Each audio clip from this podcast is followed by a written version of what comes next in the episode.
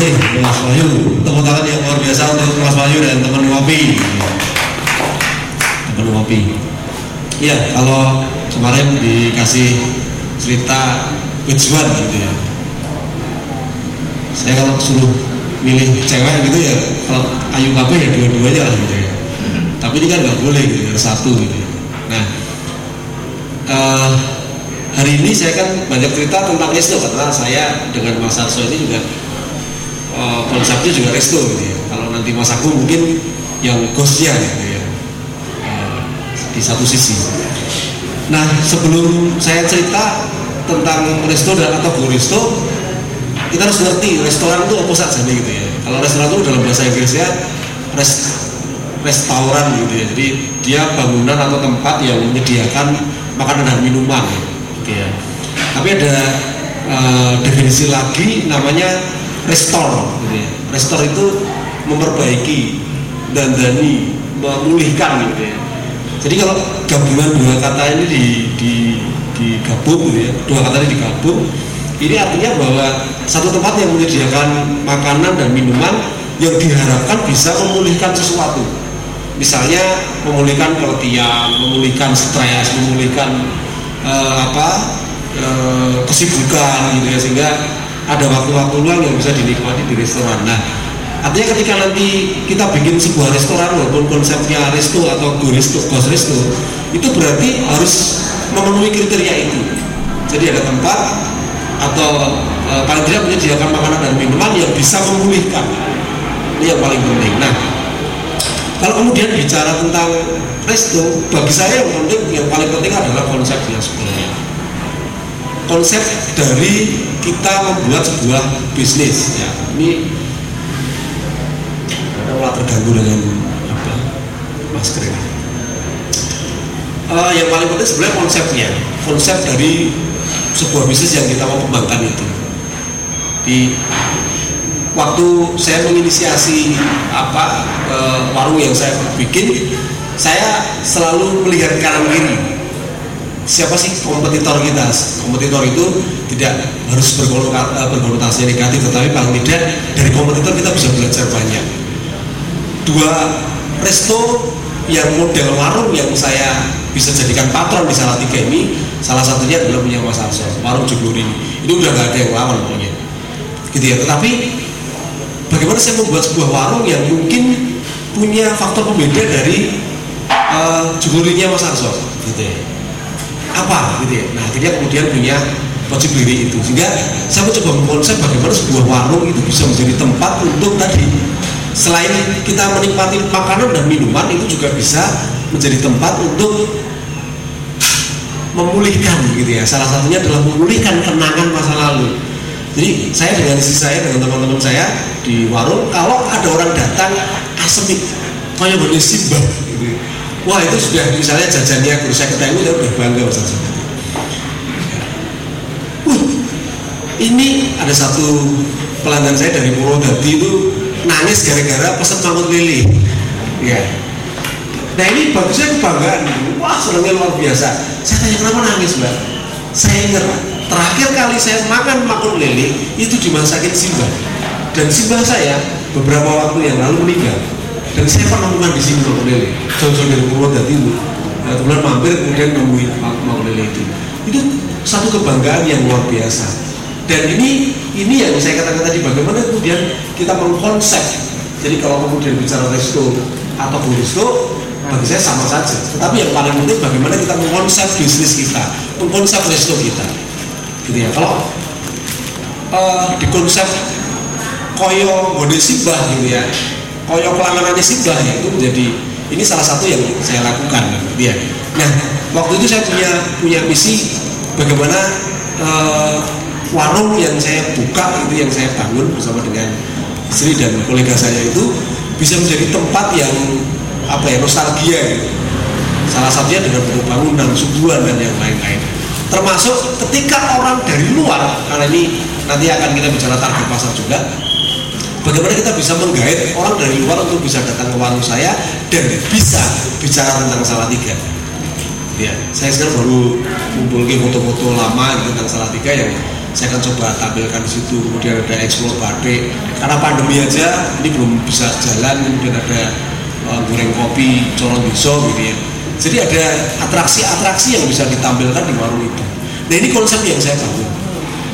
Ya tetapi kalau bicara pandemi ya pasti uh, apa efeknya luar biasa karena saya buka itu 3 Januari Mas Arso Mas Agung teman-teman 3 Januari buka kemudian Iya, Maret jeblok. Jadi saya bisa menikmati warung saya itu hanya dua bulan. Januari, Februari, Maret jeblok. Nah di Maret ini saya ingat benar hanya di tanggal sampai tanggal 15-16an itu masih ada pertumbuhan. Tetapi di tanggal 17 itu sudah mak gelubuk gitu ya. Maka di bulan Maret itu saya panggilin teman-teman gitu. Hei mau di mana? Yuk kamu di sini mas. Mampir warung saya. Udah ini kamu pesen apa? Saya yang bayar. Jadi gaji saya saya gunakan untuk jajannya teman-teman. Biar warung saya ada omsetnya. Dan secara spiritual secara spiritual ada ada apa? Ada semangatnya selama pandemi sampai detik ini saya nggak pernah tutup masa gitu ya mau gubernur mau bilang apa saya tetap buka.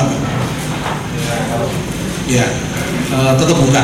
Nah artinya semangat semangat ini yang kemudian me, me, saya sepakat Mas Arso ya kudu getih lah. Seneng wong arep nunggu itu kudu emuh gitu ya. Ya nek kepengen ma, oh, apa mamah ya kudu ubah. Nah sekarang ini di sejak di Desember kita sudah mulai mulai tumbuh gitu ya. Saya cerita ke Mas Agung Mas Agung ini kok saya malah tumbuh ya gitu ya. Karena investasi yang kita lakukan selama setahun. Ketika orang diam kita ngebut terus. Gitu sepakat Mas Roy gitu pokoknya orangnya minggu nyambut gawe nyambut gawe nyambut gawe nyambut gawe itu. Jadi yang paling penting adalah konsep ya kalau kemudian konsepnya sudah ketemu baru kita bicara targetnya sebenarnya ini bisa dibarengin gitu ya. Target pasar kita. Saya sepakat riset gitu ya maka di cuplikan promosi saya. Saya selalu ingat eh, Nadiem Makarim gitu ya, bahwa next bocah sekolah itu menguasai persoalan psikologis. Kita banyak belajar tentang uh, sama Gojek sama uh, Grab gitu, dan ojek-ojek lainnya ya apa aplikasi-aplikasi online yang lain. Osaka saya pikir juga sekarang ada di salah tiga kenapa sih kemudian orang Nadiem Makarim punya punya punya Gojek gitu? Dan ini sekarang orang semua tergantung konsumennya tergantung kliennya juga tergantung. Saya sih berharap suatu saat kita memutus memutus rantai ketergantungan ini kita pindah ketergantungannya ke Osaka sama Jepang misalnya. Gitu ya saya harus imbang dua-duanya teman jadi nggak boleh. Ya. ya. Tapi bagi yang sudah menikmati ini ya asik sekali. Maka ini masalah psikologis yang dibangun. Jadi tadi mengerti banget bahwa orang kepingin gampang, kepingin ngebosi, kepingin nyaman, kepingin aman gitu ya dulu di dulu di rumah tahu-tahu di perlu gojek gitu ya karena kalau kepengkolan tidak nyang-nyangan belum kalau ketemu sama ojek yang nakal Nah, riset-riset psikologis ini yang dibangun oleh uh, apa uh, si Grab, si Gojek ini. Saya yakin Gojek yang lain juga begitu. Sehingga tawaran solusinya gitu ya, problem statement yang dihadapi oleh masa ini kemudian diulang dari sisi psikologis kemudian dikasih jawaban sama si Gojek. Akhirnya kita tergantung kayak gini, nyaman, tek tek tek tek dipeduk gitu ya. Udah tek tek tek mobil gitu. Nggak kenal, mobilnya ganti-ganti. Saya pernah di Jakarta dari bandara turun pakai grab set gitu ya. Yang menjemput saya Fortuner pak. Langsung gitu ya. Saya terus copot sepatu saya mas. Mohon maaf saya copot sepatu gitu. Pas lupa grab lupa Fortuner saya juga nggak punya gitu. ya belum pernah naik gitu. nah artinya ini menjadi satu kebanggaan sisi logis ini yang perlu kita bangun maka ini ketika saya belajar ini kemudian saya rasakan di tanggal terutama yang kelihatan banget di tanggal 67 tanggal 67 itu gubernur Jateng mengatakan di rumah dua hari. Tetapi saya di hari saya dengan tim itu dari jam 11 sampai jam 9 malam malah, nggak istirahat. Karena warung saya ramai banget kenapa? karena saya ngerti banget bahwa psikologis kita katanya ini bangsa 62 itu bangsa ngeyelan. Konten mama enggak. Memang gue sokong ngatur-ngatur gitu ya. Ya saya ya ini bahasa sarkasme. Artinya saya ngerti bahwa mesti orang sikapnya ya bulan itu dan ternyata iya. Mas buka enggak? Buka. Mas buka enggak? Buka. Mas di semua ada kosong kosong enggak akhirnya dari pagi dan malam orang rapat orang ketemuan orang janjian karena psikologis orang nggak bisa. Nggak ketemu kancangnya sedino itu loh. Dasi gitu. Saya nggak ketemu orang nggak jagongan nggak ngobrol gitu. Pokoknya rasanya gak enak. Mau kangen kangenan nah, ini yang coba kita manfaatkan. Nah saya sepakat mas Arso bahwa nanti salah tiga ini saya kan bisa menjadi pilihan. Resto-resto yang ada di salah tiga jangan-jangan menjadi pilihan. Karena kita ini zona zonanya bukan ya kayak di kota besar itu kan meledaknya luar biasa. nah, akhirnya menjadi pilihan. Dan di bulan Desember Januari itu justru tamu-tamu saya kalau dari data yang saya punya itu justru dari luar kota. Dari Solo, dari Semarang, Boyolali, Kendal gitu. Saya juga nggak tahu mereka tahunya dari siapa. Mungkin dari medsos yang saya bangun gitu. Padahal medsosnya saja jijik mas. Orang ganteng ngaku ganteng itu kan jijik. Tapi ternyata ada ilmunya namanya marketing authentic marketing. Nanti saya coba bahas jadi target pasar itu penting. Kita harus ngerti banget siapa yang menjadi target kita kalau saya jelas target saya adalah keluarga menengah ke atas orang yang datang ke salah tiga ya ini uh, banyak yang digarap sebetulnya orang kantoran orang begitu yang ingin memang uh, makan dan ada suasana yang berbeda di situ. Oke, setelah target ya pasti kita akan bicara tentang uh, produk. Kalau produk itu memang nggak bisa enak itu kalau jual makanan enak itu sudah nggak ada nilainya. Itu udah misalnya dulu nomor satu sekarang sudah di atasnya nomor satu jadi nggak ada angkanya. Nah kalau produk ini sudah nggak bisa nggak bisa ditawar. Nah, kenapa saya bilang enak ya? Tapi enak itu juga relatif. Karena enak saya dengan enak istri saya juga beda. Kalau istri saya senang agak asin, saya, kalau saya yang penting logi, manis gitu, enak. Nah ini beda. Maka eh, bagaimana kemudian psikologis orang ketika makan di tempat saya atau minum di tempat saya, bagaimana dia harus mengatakan bahwa, uh enak, jadi ini beda kalau jadi ini aneh. Nah ini yang harus kita kita bangun. Artinya eh, apa?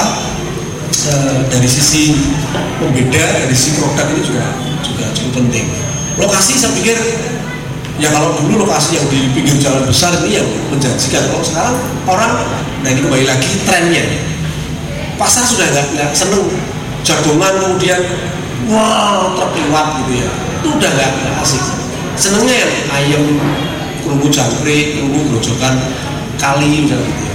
ini yang coba kita tangkap dari pola perubahan pola perilaku dari pembeli kita gitu ya. jadi lokasi itu saya pikir tidak lagi tidak lagi apa e, menjadi pilihan yang tengah kutro enggak nah kebetulan yang saya dengan Mas Akso ini nah, Segoro kan kecil ya kalau ya Aku itu cuma saudek gitu ya empat kecamatan. Pada saat PKPM gitu ya pembatasan kegiatan masyarakat PK PKM PKM PPKM ya. Pokoknya pembatasan kegiatan masyarakat lah intinya begitu. Itu kan jam lalu kudu tutup waktu yang pertama jam lalu kan kudu tutup. Padahal di tempat saya kan justru berguduk berguduk berguduk begitu jam lalu gerbangnya tak tutup tapi di dalam sampai jam 11 jam 12 ya nggak apa-apa lah karena ini saya pikir kerinduan mereka nah apa strategi-strategi begini yang memang harus kita lakukan supaya ya kita tetap hidup tetap bergerak oke okay. uh, eh, saya sudah punya kepean sebenarnya. Kemudian desain warung itu juga ya penting ya desain resto juga penting saya terus saya bicara resto yang konvensional ya nanti mungkin mas aku akan eksplor untuk yang kos yang oke kemudian marketing saya sepakat gitu ya kadang-kadang uh, pebisnis pemula seperti saya ini belum bisa mengalokasikan tenaga dan budget itu uh, marketing gitu ya. Tapi mau nggak mau harus ada. Jadi ya kalau kemudian saya uh, memberikan training ke beberapa teman, saya paling tidak budgetnya 10% untuk uh, marketing gitu ya. Ya semakin besar ya semakin apa uh, prospeknya untuk dilakukan semakin cepat gitu ya. Publikasi. Gitu ya. Nah, uh, teman-teman ada satu trik yang coba saya lakukan dan saya temukan ketika saya menjalankan bisnis ini sehingga ini ya alhamdulillah puji bisa berjalan ya. produk belum karena memang memang baru ada satu istilah namanya bayar pesona. Ya teman-teman bisa praktekkan ini. Saya sudah praktekkan dan hasilnya luar biasa. Bayar pesona itu bagaimana kemudian kita menemukan sosok pembeli kita yang kita anggap pembeli dia. Nah kemudian saya definisikan, saya jadi pembeli dia ini satu, dia kerap datang atau jadi langganan. Yang kedua, nek tuku mesti oke, okay. Karena makannya oke. Okay. Jadi kalau Wahyu ini paling tuku kopi dok itu mesti boleh gitu ya. Berarti bukan membeli dia, kalau teman dia dia. Yang ketiga, senengannya aja, aja kalau towo-towo. Wah ini yang penting. Kalau kita udah menemukan sosok pembeli dia yang memenuhi kriteria tiga ini, tinggal dirangkul dan dielus-elus. Nah saya mulai bisa mendefinisikan itu dan kemudian dampaknya ada di, di apa empat bulan terakhir ini dampaknya ada. Ada pertumbuhan di isi omset ketemu dilus-lus kemudian dikasih surprise. Ya kadang-kadang tiba-tiba dikirimin wedang jahe set gitu. Lu mas ini apa? Mas Rizky ini juga salah satu aktivis tour and travel yang hitam gitu kayak di tengah pandemi dia bikin wisata jadi kadang-kadang saya kasih surprise. Lu ini apa mas? Ada saya begini. Ya itu sebagai tour personal gitu. aku cerita wah saya dikirim terus uh, rombongan gitu. Udah pokoknya dengan saatnya duduk manis. Selama ada di sini dokumentasi saya lakukan saya kerjakan. Saya memotret boleh pegel gitu. Itu apa kejutan-kejutan yang kita kita berikan. Jadi kalau kita bisa ketemu bayar pesona ini luar biasa jadi sekali lagi uh, kata kuncinya bagi saya resto atau ghost resto itu bagus semua. Tapi bagaimana kemudian kita paling penting bagaimana memilih target dan memahami keinginan dan psikologis dari pembeli kita. Saya pikir ini menjadi kata kunci yang uh, penting uh, bisnis kita. Yang terakhir uh, di masa pandemi ini yang pokoknya nggak boleh berhenti deh gitu ya. Kayak orang naik sepeda itu jauh gitu kalau berhenti mesti ambruk. Gitu ya. Maka saya dari saya pokoknya tetap buka kita liburnya hanya naik betul karena teman-teman uh, atau muslim dan jadi seperti orang naik sepeda pokoknya penting digenjot terus naik padat tipu. Sama juga pada saat genjotannya ini berat jangan-jangan bisnis kita ini sedang tumbuh pada saat kita mengelola bisnis ini jangan-jangan bisnisnya sedang tumbuh. Beda kalau misalnya kita genjot kemudian berujung gitu. Jangan-jangan bisnis kita bisa turun sedang turun gitu. Karena kita nyaman banget nah pada saat berat ini yuk tetap tumbuh karena saya yakin sebentar lagi pandemi ini akan berakhir. Kalau kita nggak siap-siap kita ketinggalan zaman. Kalau kita nggak punya strategi khusus untuk menyambut musim semi ini ya sudah nanti pada saat musim semi orang yang nunggu bukan kita terus bergerak siapkan karena musim semi akan segera tiba. Terima kasih. Assalamualaikum